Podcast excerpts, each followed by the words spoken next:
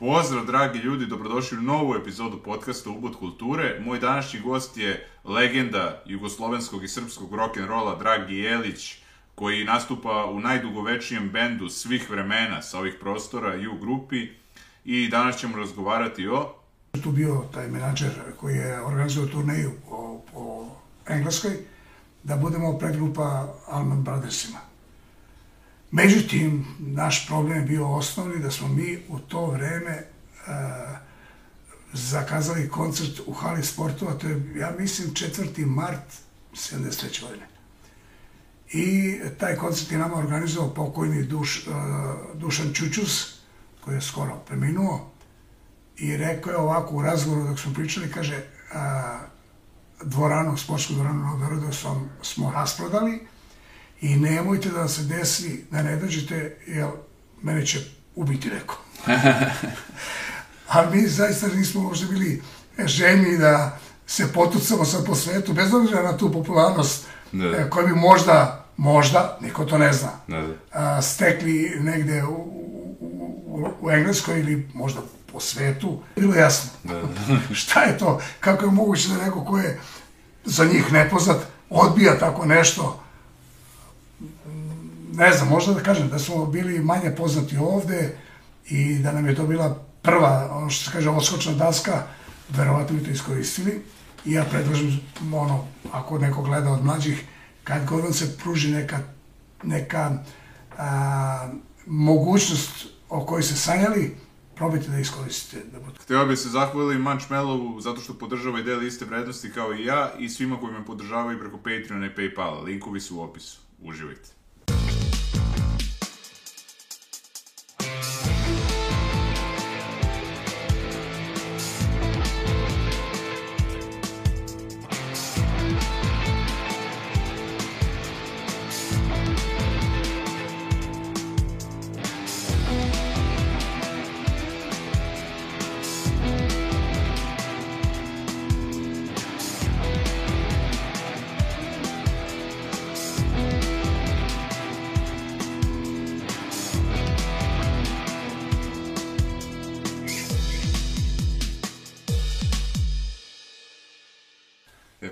Dragi, dobrodošli, hvala mnogo što ste došli. Drago mi je da se nalazimo u ovako jednom neobičnom a, a, ambijentu i da vam poželim sve najbolje. Hvala vam. Za početak bih vas pitao, e, koji je bio prvi e, motor koji ste vozili? Prvi motor koji sam a, vozio i bio je moj lični motor. Mislim, prvi motor koji sam a, pokušao da vozim, to je bila MV Augusta.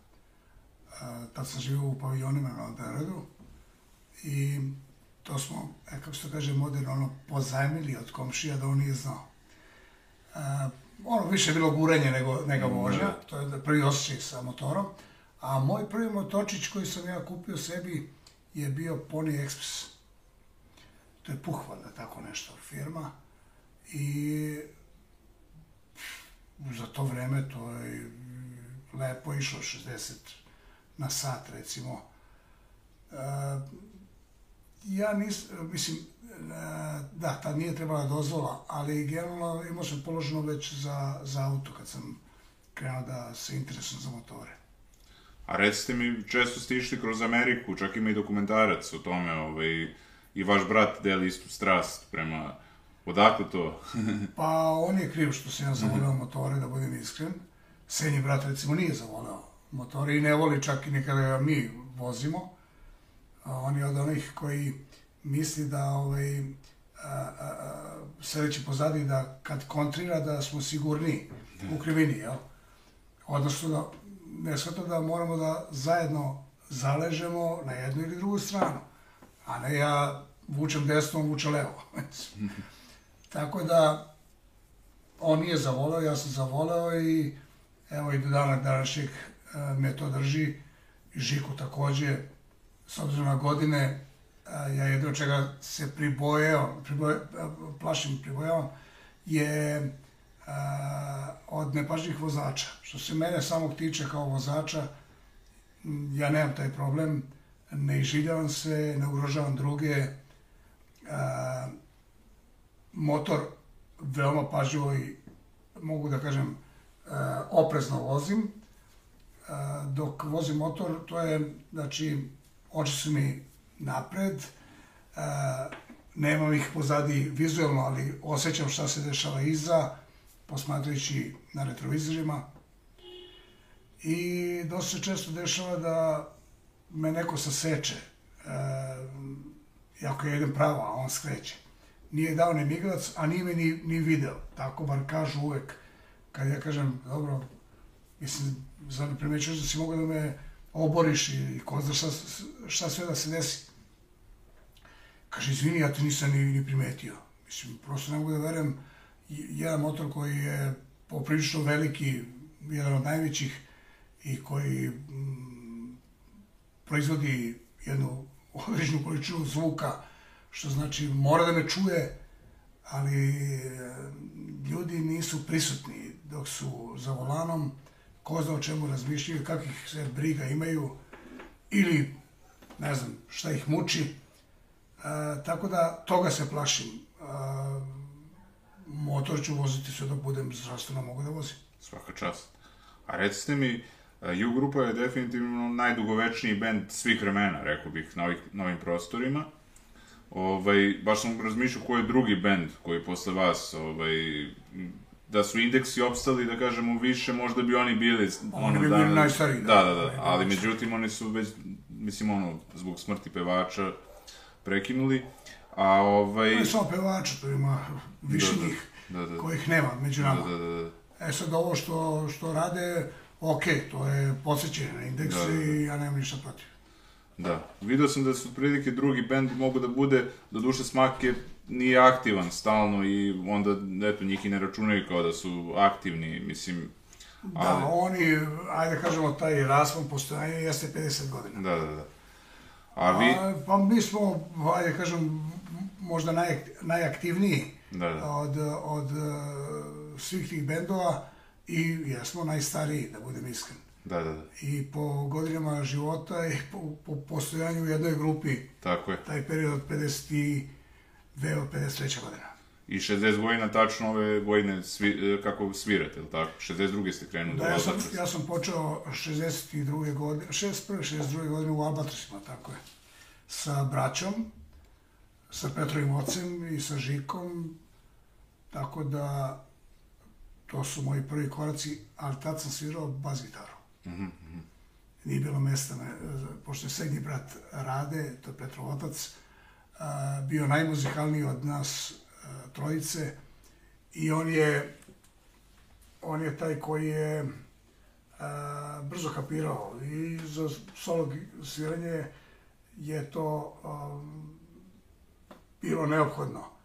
Za mene kao basistu, kao početnika, a, gde mi oni pokažu neke tonove koje ja treba sviram, u to vreme nije bilo, nije bilo problem nikakav, ali ja sam svoju priliku sačekao kad je Rade otišao u vojsku i ostala je ta gitara na kojoj on svirao i moja znatiželja je bila toliko jaka da sam ja krenuo da sviram solo gitaru i evo do dana današnjeg sviram solo gitaru. I pre grupe su bili Albatrosi, znači bili su džentlmeni, pa bili siluete. Su, bili su Albatrosi, Alasi, uh, Beduini, siluete Zorana Viševića, uh, džentlmeni i u grupa.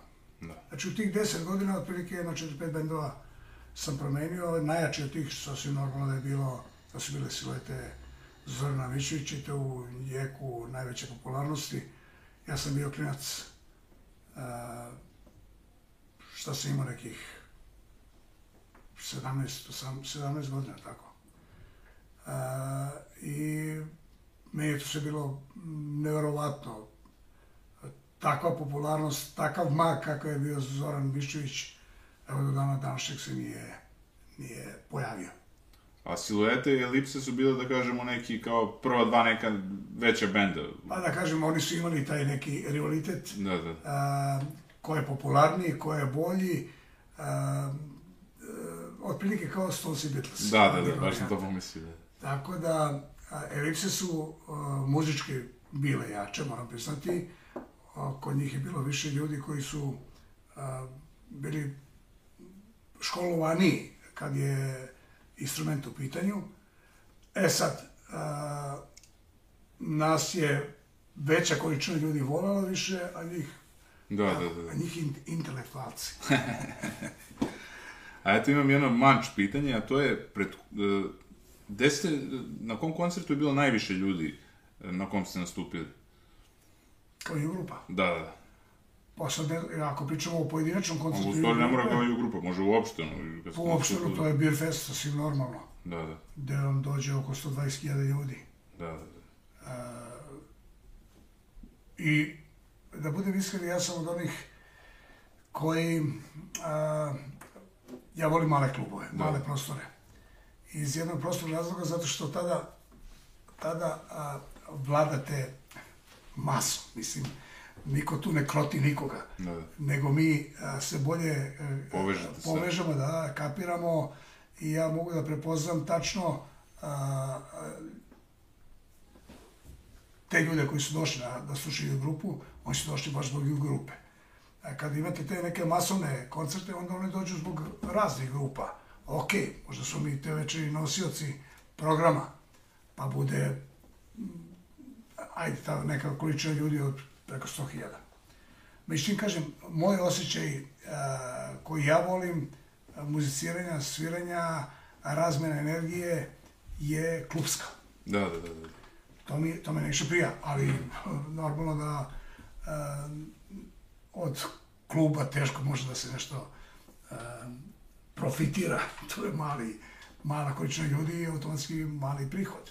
A vidite, to je interesantno, svi su većinom rekli da ono, vole više u malim klubovima nastupaju i da čak imaju veću tremu kada u manjim klubovima nastupaju nego kad nastupaju pred više ljudi. Ne, ne, meni, meni je to, kažem samo, izaz, izazovno zato što Da. a, m, ako sam dobro odsvirao nešto, Da, a, neki solo ili, ili ne znam, neku frazu, da, a, i to primetim da, da prate, da, da slušaju, da aktivno učestvuju u tome, bez obzira što oni ne izgovaraju ništa, ali ja njihove mimike da, da, da. vidim kakve su i to je ono što me još više inspiriše. A recite mi, vi ste jedno vreme bili vrlo popularni i u Bugarskoj, je li tako? Održali ste jedno 40 koncerata tamo. Da, pa mi smo, ja mislim, jedini bend odavde koji je otišao u Bugarsku, imali smo turneju 72. godine, u vreme velikih boginja. Mhm. E, I tad sećam se dobro da smo morali, e, završili smo tu neku 20-dnevnu turneju po, po celoj Bugarskoj i ostalo mi je kao, kao lepa uspomena, moram priznati. A, morali smo prilikom povratka za Srbiju da se javimo ambasadi. Ja kažem, "Što, kakve veze ima sad ambasada?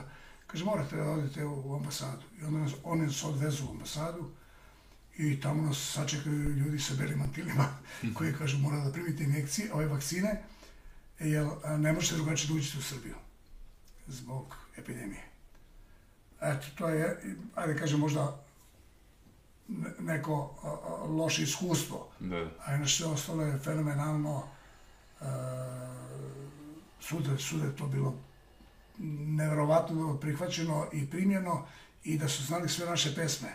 Zahvaljujući u stvari emisiji Večer uz radio, koju, koju su oni slušali kao mi Luksemburg, recimo. Aha. Eto, to je bilo, to i oni su znali tačno šta je grupa radi i koje pesme smo snimili, tako da, a, kao da sviramo u Srbiji. A u to vreme otprilike ste nastupali u Londonu, je li tako? Tih nekih godina. 73. Da, sledeće godine. 73. godine u Triju, pred, pred tog odlaska za London, a, naš razlog je bio odlazak u London da kupimo nove instrumente.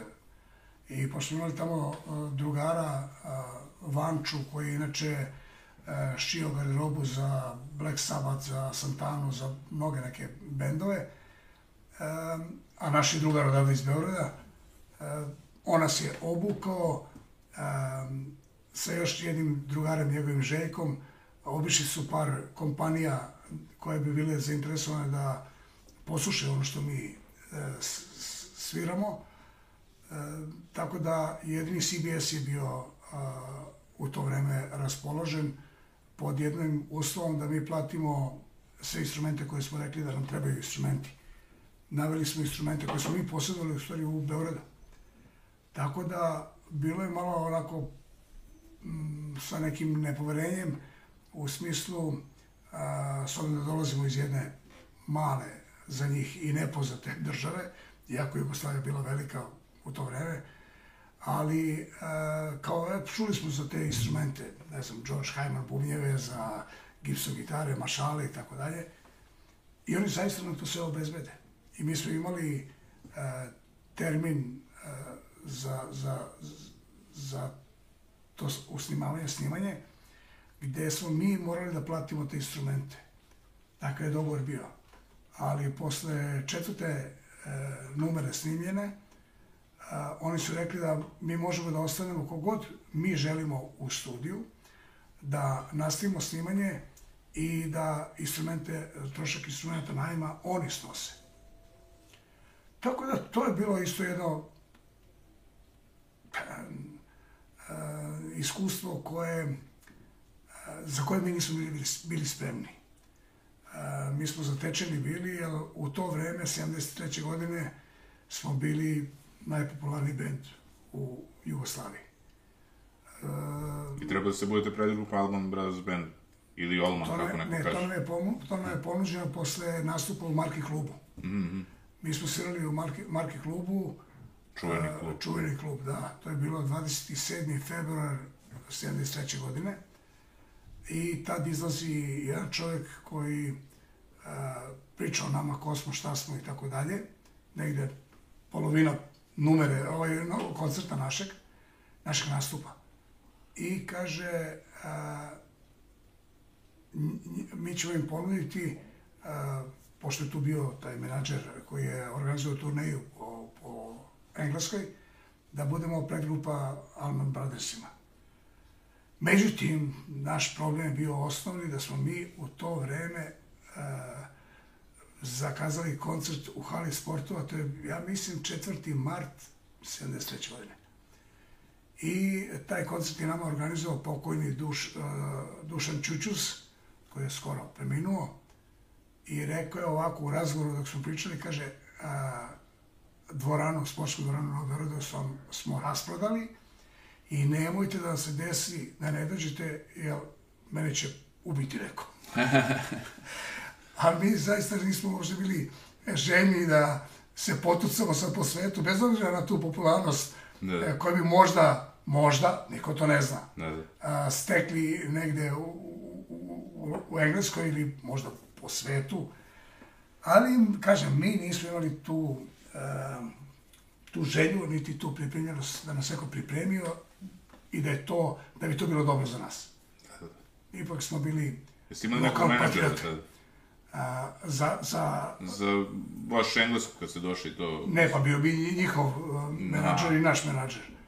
Ali, ovaj, i nuđene su neke, da, da budem iskren, za šest meseci ugovora, uh, neki novci koje smo mi u to vreme ovde zarađivali za, za dve, tri svirke. Da, da, Tako da njima ništa nije bilo jasno. da. da. Šta je to? Kako je moguće da neko ko je za njih nepoznat odbija tako nešto? Ne znam, možda da kažem da smo bili manje poznati ovde i da nam je to bila prva, ono što se kaže, odskočna daska, verovatno bi to iskoristili.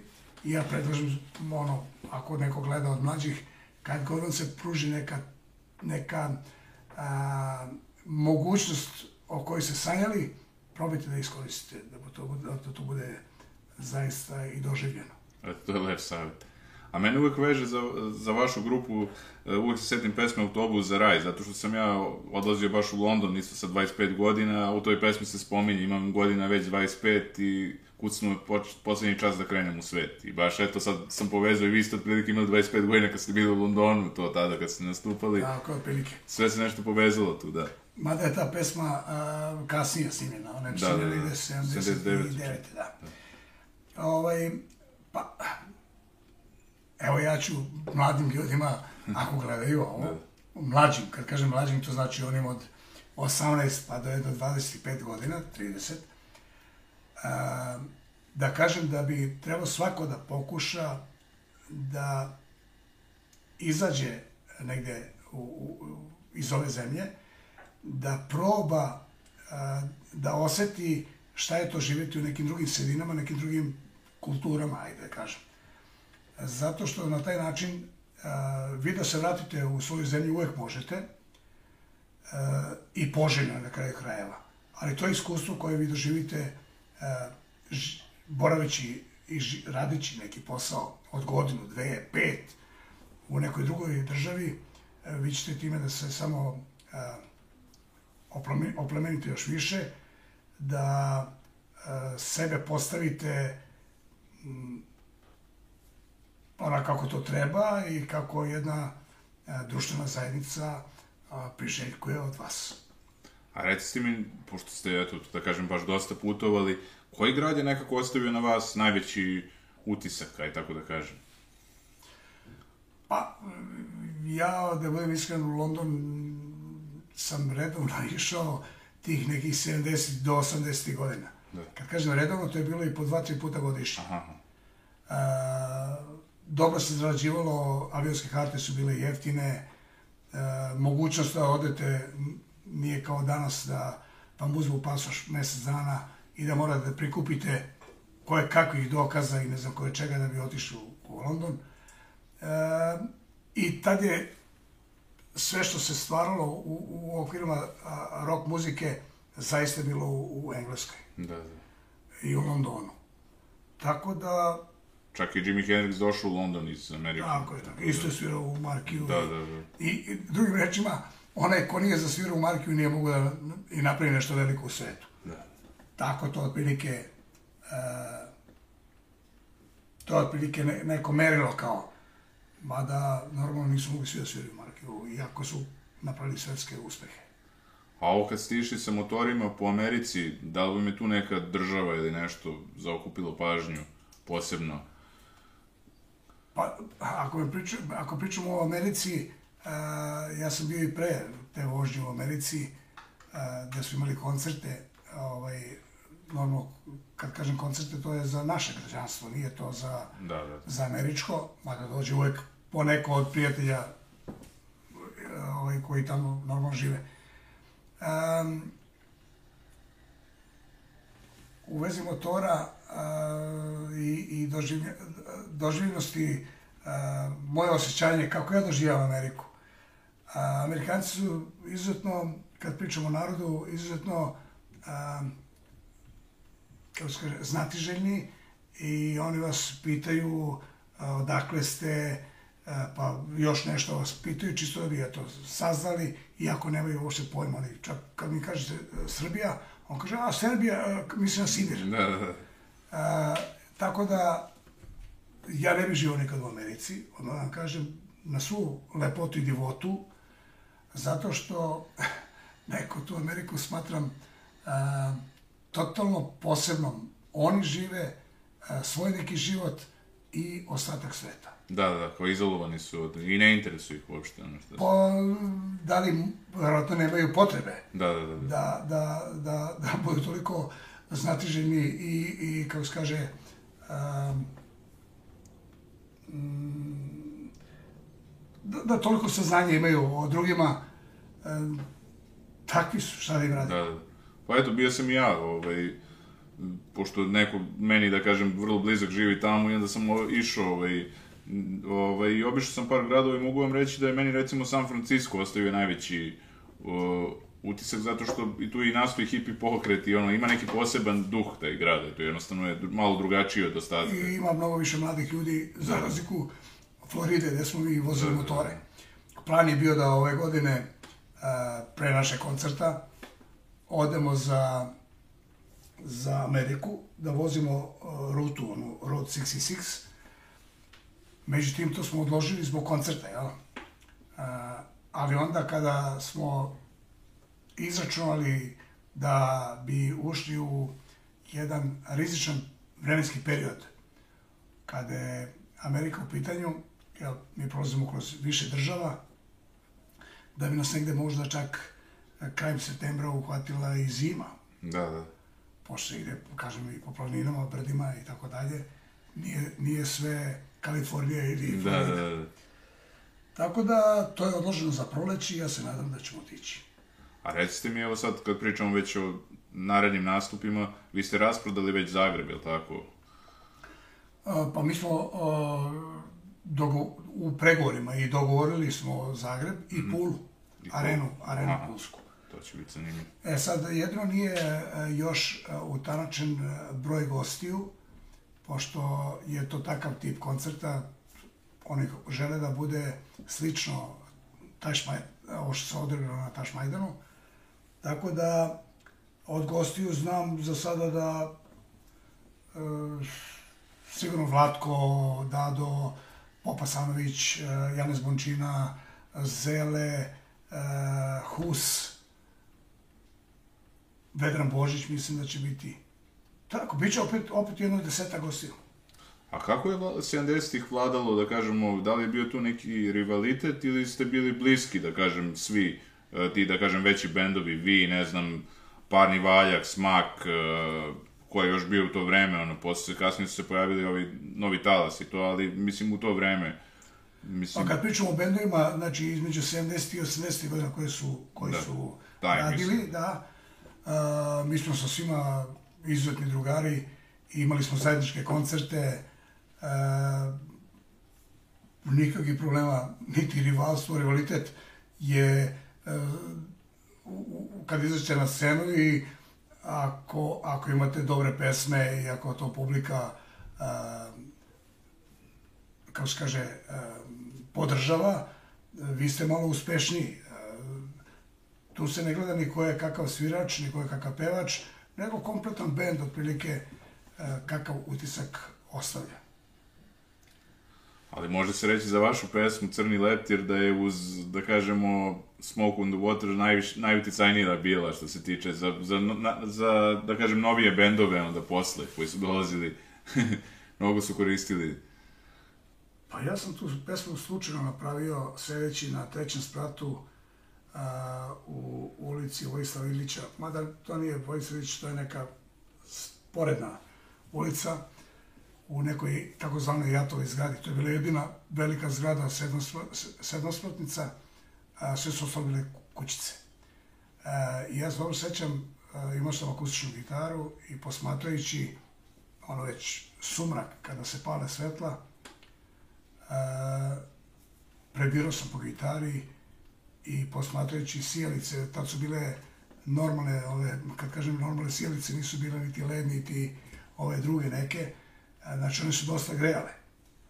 I to je skupljalo u stvari sve te neke mušice, leptire oko sebe. I tako mi je palo na ideju da se napravi sve to. Obično ljudi imaju uvek ono neki, da kažemo, one teorije zavere, vamo tamo. Ja znam za vaš bend da ste vi potpuno straight što se tiče svih ono i poroka i to, to, to važi za vaš bend generalno. I onda su mnogi su mislili da je ta pesma nešto vezano za drogu ili ne znam šta, ali eto, sad smo im otkrili da nema nikakve veze sa time, tako da... Nema ni jedna pesma Da, da, da. da, koju da. ovaj, e, čak i magle recimo e, jako se kroz tekst provlači i Janis Joplin Da, da, da, da.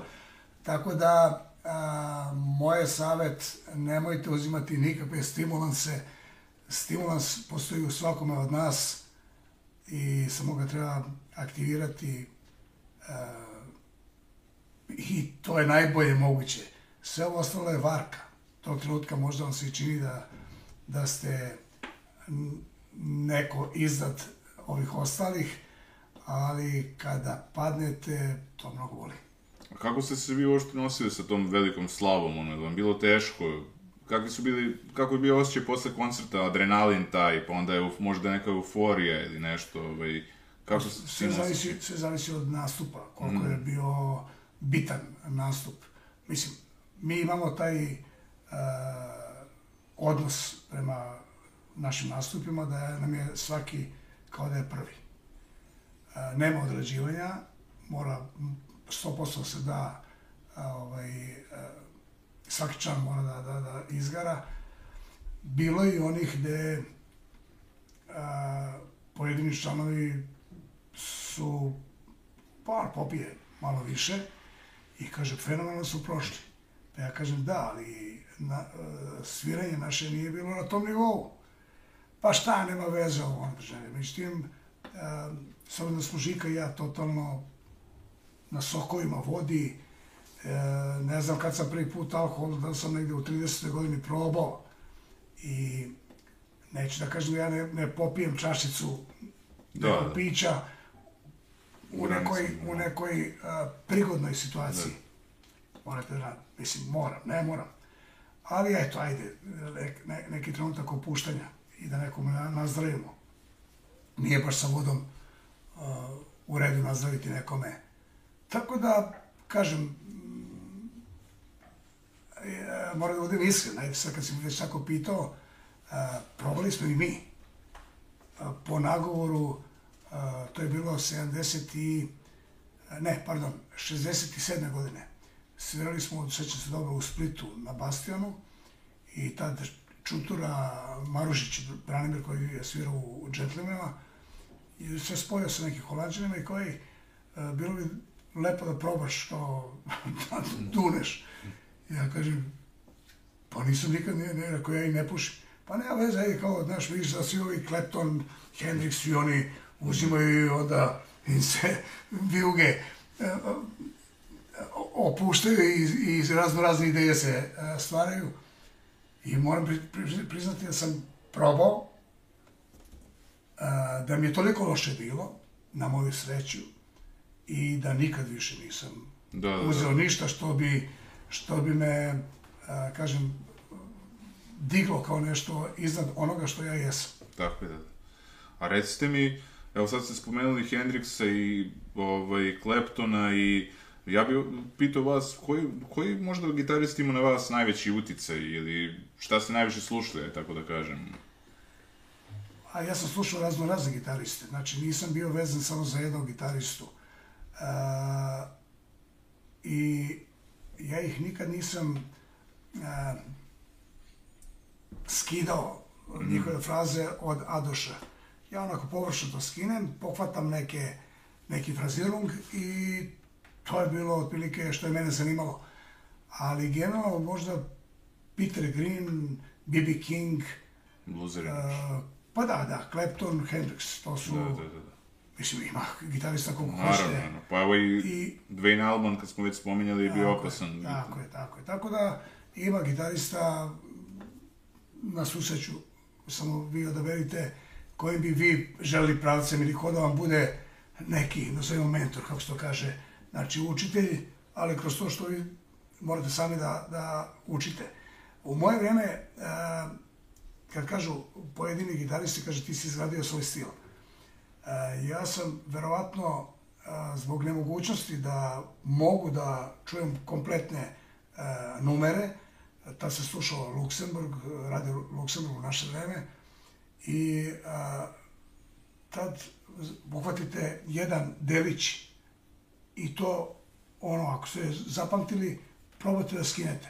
Pa onda, ne znam, čekate da se ta pesma ista pojavi za Da, da, da. neki period, što znači bilo je a, mnogo teže nego danas. Danas imate na YouTube-u da, gde vam objašnjava ta, totalno od tona do tona a, i način kako je to odsvirano. Ali opet nema neke originalnosti. Iako ima toliko toga, ono da... Pa A ne da, znam, sad je ne možda i teško, zato što je već i prošlo dosta, ono, da kažemo, muzike, ono, prošlo je već veliki period, da kažemo, vremenski, ono, od kad muzika se stvara, tako da... I, e, pa, ja ne znam kako dolazi do toga da vi postanete originalni, e, da, prepoznatljivi, da kažem tako. Imate fantastičnih gitarista e, u, u Beogradu, u Srbiji, e, koji, moram priznati, ne znam ja šta bi tra, tražio ja pored njih, kad pričamo o tehničkom nekom sviranju. Ali e, ne rade na tome da, da tu neku svoju specifičnost izgrade možda će to vreme pokazati i možda će se uh, roditi neki novi točak ili Vlatko Stefanovski, Vedran Božić ili ja ili Bata Kostić. Ovaj, interesantno mi je kod vašeg benda, kod U grupe, da često ste, vi ste dosta, da kažem, raznovrsni što se tiče pa čak da kažem i, i muzičkog žanra, mislim, jeste to rock, ali vi imate i etno zvuk, imate i čak ovaj autobus za raj, da kažemo i neki rege, u principu, ono, pesma, da. što je, ovaj, tako da ste dosta vi, da kažemo, i eksperimentisali što se tiče zvuka, ovaj, to je interesantno. Jesmo mi rock band, ali da, da. A, moje, moje interesovanje je široko. Da, da. A, I ja ne vidim razloga ako je neka numera a, dobra, dobra pesma, dobar tekst, zašto je mi ne bi osvirali na svoj način, a, uvek se tu pronači rock and roll, ali ne vidim ništa loše. I na kraju kraja to se pokazalo kao dobro. Jer kad neko sluša naš album ili CD, bilo šta, on, moje slušanje recimo ranije je bilo benda nekog i čujem jedan put, dva put, ne mogu više da slušam, jer stvara mi neku monotoniju. Da, da, da. Iz u numeru to je isti zvuk i slične su numere i tako, znači ceo taj fazon je sličan. Ovako kada vi e, na jednoj ploči uradite desetak pesama koje su svaka od njih ponosob različita, mislim da je to neko bogatstvo za ono ko sluša, a i za nas koji sviramo. Nama nikad nije dosadno naše izvođenje numera, u principu se ne, nema tu nekog striktnog dogovora. Svako može u trenutku sviranja na koncertima da nešto promeni. Da, da. Normalno, kad kažemo nešto da promeni, mora kostur da ostane onaj kakav jeste, aranžmanski, a sve ostale sitnice e, koje mogu da oplemene i da tu numeru aranžmanski čak se više promene, e, su dobrodošle. Ali vi već dugo postojite i ostali ste, da kažem, dosledni sebi, ali pretpostavljam da ono kako je novo vreme dolazilo 70. pa 80. pa 90. da ste tu ono, ne znam da li ste pratili kao, eto, trendove, a ili ste ono, i što se tiče produkcije, kako je ovaj, to sve išlo, mislim...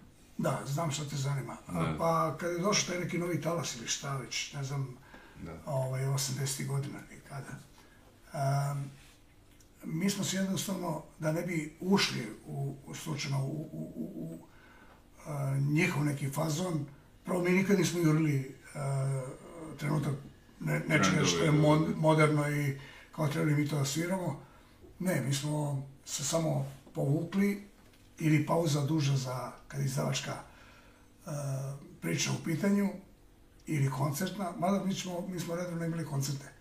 Mi nismo uh, prekidali nešto puno, sem povrede žikine ili ne znam, to kada nam je izgorilo oprema i tako dalje, ili kada je predsjednik tadašnje Jugoslavije Tito umro, pa on nije moglo jednu za godinu malo da se svira. Taka je bila situacija.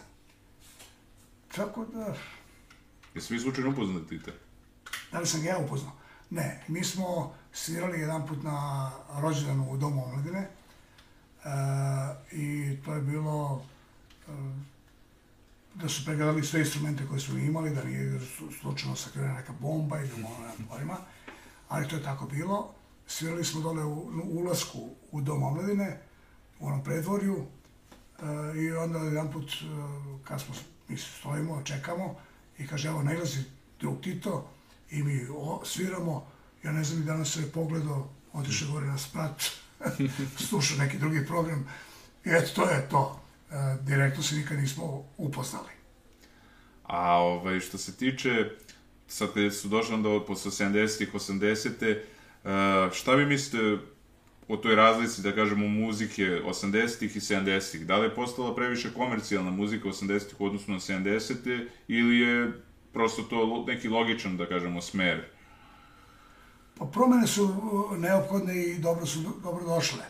A, neko ja period od 70 do 80 godina a, gledam kao stvaranje dobrih a, muzičara i kvalitetnih bendova, svirački.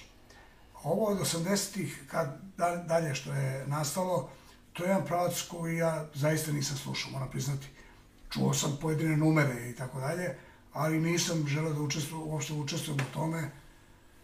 Uh, I ja generalno ne, ne, ne volim da pričam ništa loše o, o ljudima koji su u istom poslu ko, u kome sam i ja, jer znam kroz koje želje uh, i muke prolaze.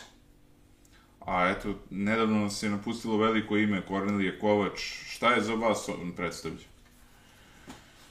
Pa, Kornelije Kovač je uh, zaista jedan sjajan drugar naš, uh, s kojim smo imali i čast da, da nam bude na dva koncerta. Jedan je bio Unplugged u uh, Novom Sadu, a drugi je bio valjda na 35 godina u uh, Domu omladine. Ne, u, u, u kako se zove, pa da, Dom omladine, da, dole, do, donja sala. E, to je muzičar s kojim vi možete da svirate sve što zamislite. E,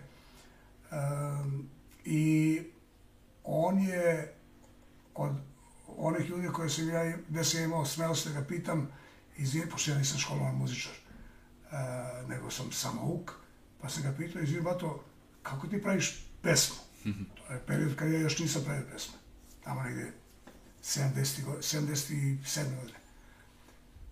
Pa kaže, sedne, uhotiš, ja sedem za klavir, kaže, i tako nešto prebiram i onda mi se rodi neka ideja, je to razrađujem ili ide sama po sebi pesma.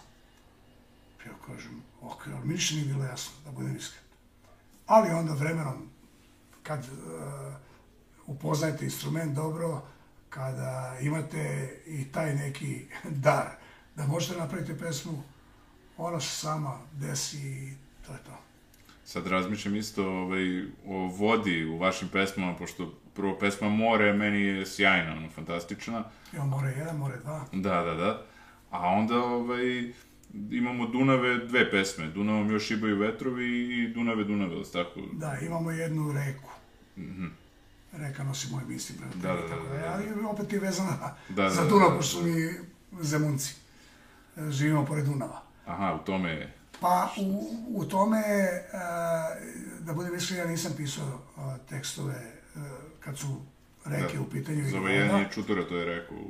Da, a, Čuture je napisao šibe vetrovi, Dunav Zvezdana Stanković i, i, i ne usetim, Makedonka jedna, ona je dala samo a, to Dunav šibe vetrovi.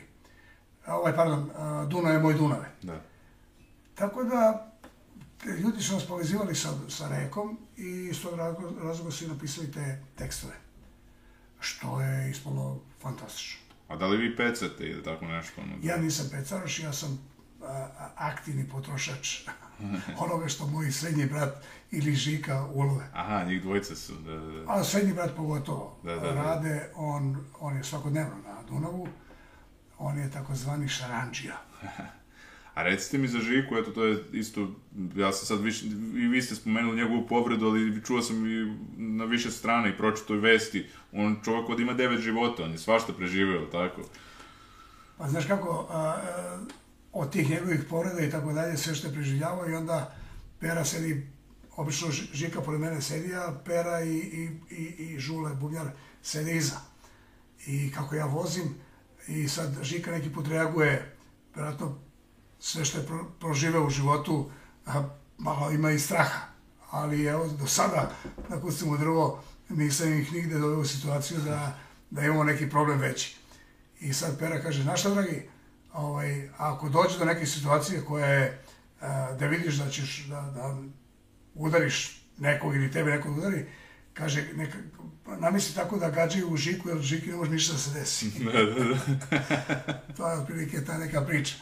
Pa imao je sreće, moram priznati, i drugo, a, sve to što mu se dešavalo, dva, tri puta da ga je struja udarala, a, kako se kaže ono, sve što te Ne ubio jače. ne ubio, to te Aha. ojača, tako je.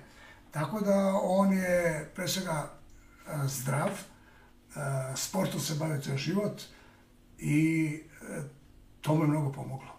Da se izbori sa svim tim nekim a, problemima životnim, jer taj sudar poslednji, stvari nije poslednji, poslednji je bilo struja u Foči, ali taj sudar koji je doživeo, gde su ga praktično, gde su automobil sekli i izlačili ga i začudili se da je uopšte živ, je pokazatelj da ne treba seti za auto umoran, da treba poslušati, poslušati nekad nekog, a tebe čeka kad on krenuo za Beograd. To je u stvari bio razlog da on ide u Beograd, jer smo dobili neke a, nagrade, oktobarske nagrade grada Kraljeva. Pošto mi Kraljevčani. I kao, pa ne možemo da idemo u, tako kako smo došli u, u, u, kod, kod mame. Ja kažem, ko te pita, bre, oni nisu na vreme obavestili da ćemo dobiti te nagrade. Ne kaže, ja moram da idem po vaša odela i svoje i tako dalje. I mi mu govorimo, nemoj da ideš Šibarskom magistralom, nego idi ovo na Kragovac, ovo, ono. Međutim, nešto ga je vuklo i išlo je baš onim putem kojim mi nismo savjetovali i sve mu se to desilo. Na svu sreću, kažem, uspeli su da ga a, sa više operacija i, i boga mi to je bio period jedno pola godine a, mukotobnog a, vežbanja njegovog, a, upornosti, želje da stane na noge i da uhvati se instrumenta. Da. Verovatno ta želja a, mu je pomogla na neki način da se što pre oporavi. I evo ga sad sa ravno 80 godina nastupa bez problema. Normalno i kao što si vidio, dve probe smo imali na Taš Majdru pre koncerta, a, vodio je program od tri sata na sve, treba to sve popamtiti, jel? A, I svirati i stajati. On ima 80 godina. Svaka čast, svaka čast. Pa eto, tu mi je, da kažem, uvek pomislim tako kad, ajde da kažemo, o godinama razmišljam i umetnicima, Clint Eastwood, on režira film sa 91 godinom, da glumi u filmu, da tu treba, do duše, eto, ne znam koji Mali što broj, stoji. mali broj, da, da, mali da, da, broj takvih primjera. da, da, da, da. A, tako da, morate imati sreću u životu. Pre svega zdravstvenu, onda sreću u, okolini koja je sa vama i da radite posao koji volite. To je najvažnije. Jer ako idete na posao, ne volite da ga radite, promenite posao. da, da, da. A recite mi, 93. godine je Petar došao u band, tako? Da, Petar je došao, u stvari, po, Bata je otišao iz benda po, po treći put, ne mogu se setim, četvrti. Bata je dolazio, odlazio i tako dalje, imao je otvorena vrata kad mu se nešto, ne da mu se ne sviđa, nego kad on zamisli da treba nešto drugo da uradi, onda on izađe iz benda, kad mu dođe otprilike ona varijanta ja bih volao da a, sviram sa vama, mi kažemo izvoli dođi, sve dok nije Petar došao. Petar je došao po, na neki način, nagovoru a, Raše Đelmaša, kao zašto jurite a, nekog gitaristu, jer ja sam već u to vreme a, duže smo svirali kao kvartet nego trojka i dosta je pesama već postavljeno kao četvorka, kao kvartet. Tako da nisam želeo da se vraćamo na trojku. Iako je sviranje u triju za mene najlepše sviranje. To je najveća sloboda, moram priznati, jer u tom slučaju ja radim sve što hoću, ova dvojica, bubnjar i basista moraju da me prate. Da, da, da. Tako da, dolaskom Petra, uh, mi smo dobili uh, puno toga, pre svega, on je naš rod, sinovac, od brata sin, ceo život smo sa njim, znali smo da će biti to jedan period njegovog prilagođavanja nama, a i našeg njemu. Jel, ne možemo da budemo uh, isključivi da mi kažemo uh, sve ono što mi znamo o, kad je bend u pitanju, da je to jedino uh, ispravno i da je to jedino moguće. Tako da on u prvo vreme je bio vrlo poslušan dok nije došao sa nekim svojim idejama koje su u stvari osvežile ceo bend. Uh, Raša isto bio jedan od tih pokretača, stalno je imao neke ideje uh, koje se uglavnom meni Žika nisu sviđale, uh, ali za show biznis to jeste dobro. Mi smo u stvari atipični rock and roll svirači. Ali evo sad kad ste rekli trio, onda je mnogo lakše da se donese odluka, ili dva prema jedna. Kad je četvoro u bendu, onda može da bude dva prema dva i... a nema mi tih tegoba, moram priznati. Da, da. A, a, čak vremenom smo se Žika i ja neko malo izmakli i povukli i pustili smo i Petra i u ovom slučaju sada Žuleta da oni donose ideje neke koje su, kad pričamo ideje, to je uglavnom poslovne ideje, jel? Ne muzičke, muzičke, ja i dalje komponujem, pravim pesme za ju grupu. E, tako da, lepo poslušati mlade ljude, pa tom prilikom moram da kažem, mada mi nisi to pitanje postavio, a, ovih dana je vrlo aktualno pozorište na terazijama, gde su našu muziku, a najveći broj numera mojih, uvrstile u musical. Mm -hmm. Crni letri se zove. I prijatno sam iznenađen, iako je bilo dosta onih koji su govorili moraš da odeš, da, da poslušaš, da ih malo, ne znam, koriguješ, da ovo, da ono, da ne daj. Ja sam rekao, ne, ja se ne mogu, ne mogu mešati ljudima koji uh, iz najboljih namera žele da naprave najbolje. I tako se desilo. Jedna divna predstava, jedna predstava puna emocija, mladih glumaca i le, prijatne muzike koju grupa svira. Hoćete sad ići redovno u nekom, mislim, će ljudi moći opet da gledaju to ili... Da, da, da, to ide, to je u da, da, repertoaru. Ja sam to... Premijere su, da, da. premijere su bile pre nekih desetak dana. Ja sam bio na dve večeri da pos, posmatram, pošto tu postoje dve postave glumaca, zato što neki, mislim, moraju da postoje te zamene, da, da, da, nisu da. svi slobodni. Tako da, a, otprilike mesečno po jedno četiri predstave, koliko im termin dozvoljava, ima. I znam da nema kareta.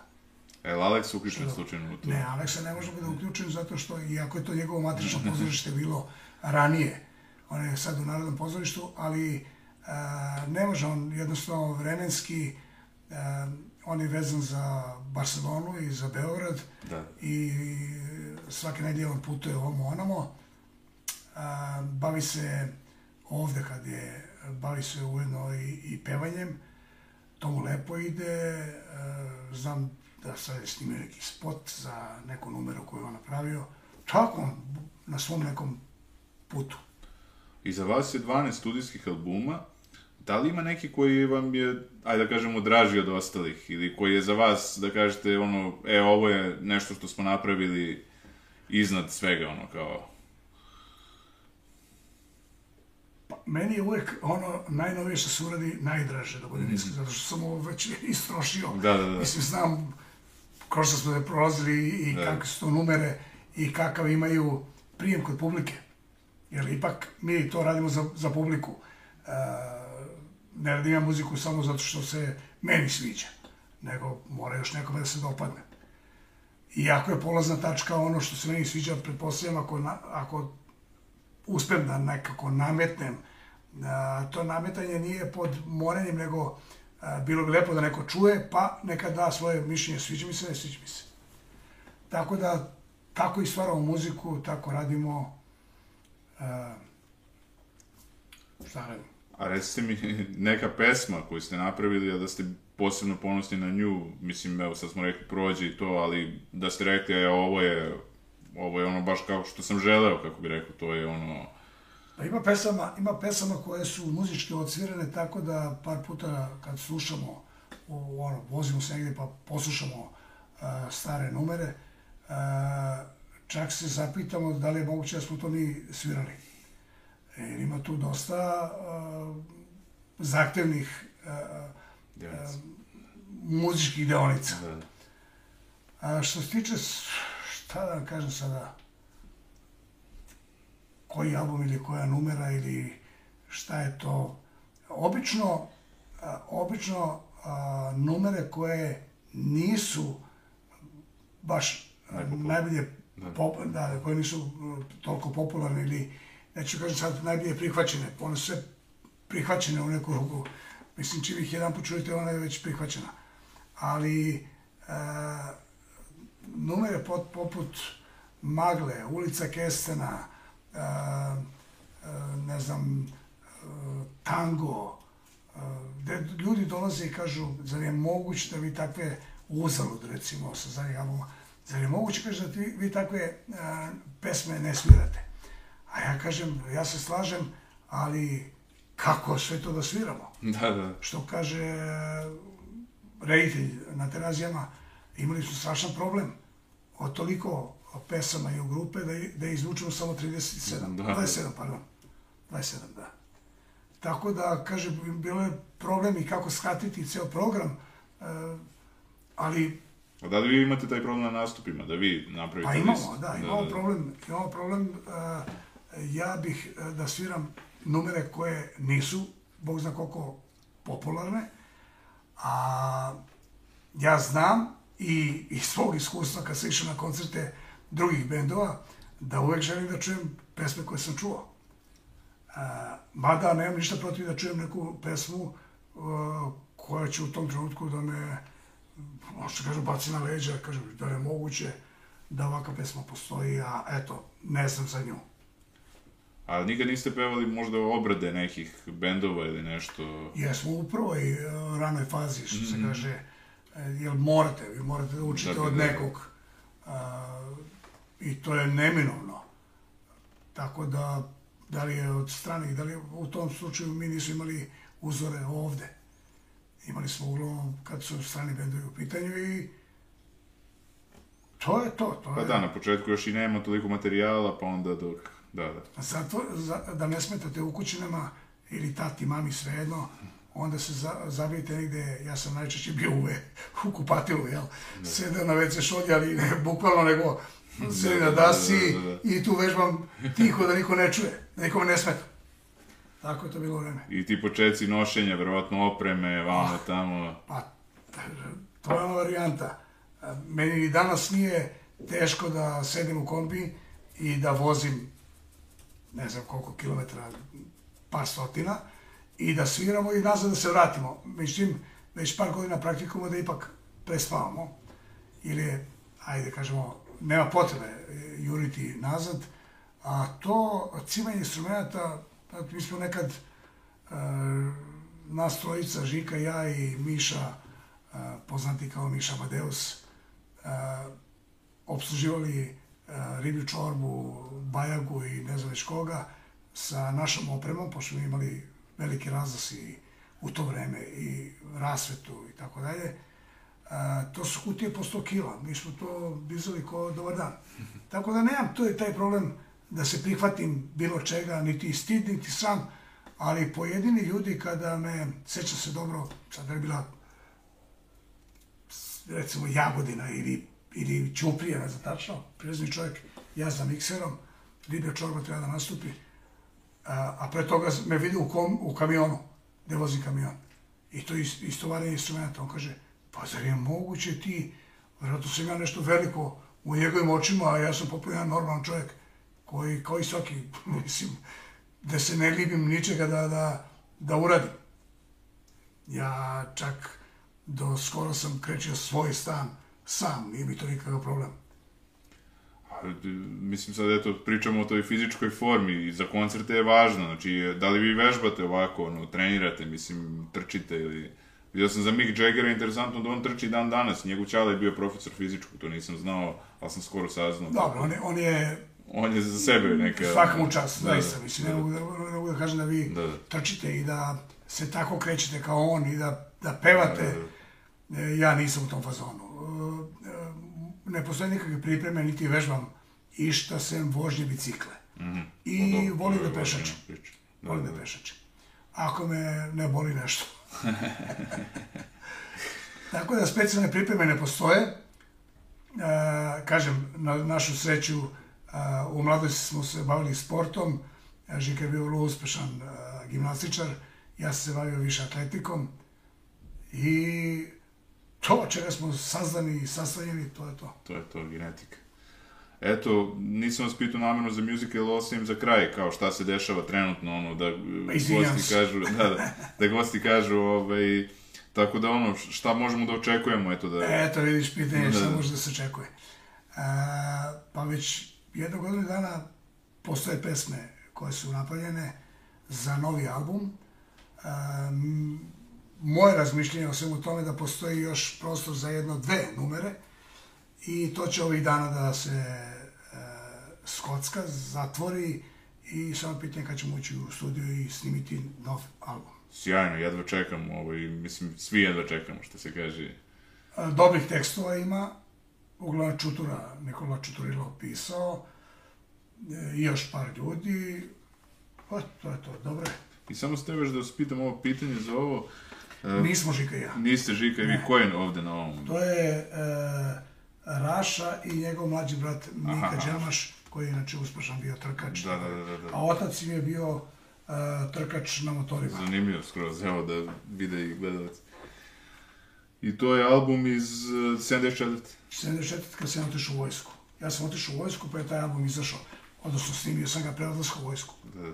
Jeste vi, dok ste bili u vojsci, nešto i svirali sa Tajmom posle kad ste se Ja sam, vratili? ja sam svirao, ne, ja sam sa Tajnom svirao, svirao sam dok sam bio u vojsci u U-Rock selekciji. Mhm. To je bio band koji je sastavljen tako od raznih muzičara iz raznih gradova, da li Ljubljana, Zagreb, ja kao vojnik iz Beograda.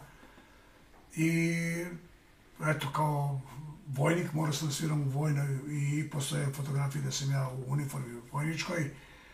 Ja su mi rekli, nemoj slučajno, u to vreme nije postojalo ovo kada vi izađete iz kasarne da možete u civilno da se obučite. Tako da, eto, kao vojnik sam svirao i po raznim gradovima Jugoslavije sam bio ovaj, učesnik na tim koncertima, a sa Tajnom sam svirao u, a, to je bio koncert a, 80 i 8. 9. tako nešto u Zagrebu. Ne mogu se setiti kako se zvao taj, taj, taj opus tih bendova koji su svirali. Vedran tad nešto nije bio dobar sa Dadom i onda su mene zamolili da li bi ja odsvirao, pošto sam ja već gostovao Tajmu na drugom albumu, eto viš baš to kad pričamo o, o vojničkom modelu, ja sam a, odlazio u vojsku, dva dana ranije sam pošao u, u, u Ljubljanu da bi snimio drugi album Tajma kao gitaru. A da li je Vedran svirao sa Jimi Hendrixom, ono što se priča? Da, da, svi Jest. sviraju u Nemačkoj, da. To je bilo više nekih nastupa ili... Ne, ja to ne znam, ja to A, ne znam sada, te dobro. pojedinosti ne znam, zaista, ne mogu da... Dobro. Ma dovoljno Da što kažem- svirao i da je svirao i minut, mislim, pa... Neverovatno, mislim. Zvuči ne... da vam kažem nešto, ništa nije a, a, nevjerojatno i nemoguće a, ako se vi nađete u tom trenutku sa tako velikim ljudima. Svi ti veliki ljudi su to i potpuno normalni ljudi. Da, pa jest. Tako da to ništa nije, samo što su u vašim očima oni ogromni i prosto, zna, mislim, šta se meni dešava da mi prilaze pojedini ljudi, e, ja vidim da su on maltene znoji od neke uzbež, uzbuđenosti. I ja kažem, "Š- o čemu se radi, što, mislim, pa kaže, ja, vi, vi ne možete da shvatite šta ste vi za mene i tako dalje, šta ste vi u mojim očima, u mojim mislima. Ja sam bre, ja normalno čovjek, bre. I onda se on oduševi, pošto nije očekivao da će ta- takav a, prijem imati kod mene. Da, da. To se čak Ali i meni desilo, eto, koji sam, da kažemo, mlađi, ovaj, čovjek mi prišao, kaže, tresem se, evo je rekao, ma sve u redu, ja sam normalan čovjek, mislim, to što... Pa nema tako da, ono... Delimo se na normalni i na budale. da, da, da. Dragi, mnogo vam hvala na ovom gostovanju, uživao sam stvarno i želim vam stvarno puno sreće i još mnogo pesama i albuma, tako da... Koliko zdravstvena situacija bude dozvoljavala, toliko će ih i biti. E, nisu mi od onih bendova koji svake godine ili svake druge izdaje nov materijal, e, nego kada se e, stvore uslovi, a uslovi su e, moja želja i celog benda da se napravi nov materijal, onda se to radi. Ništa na silu. Puno uspeha. Hvala lepo. Gledamo se dalje.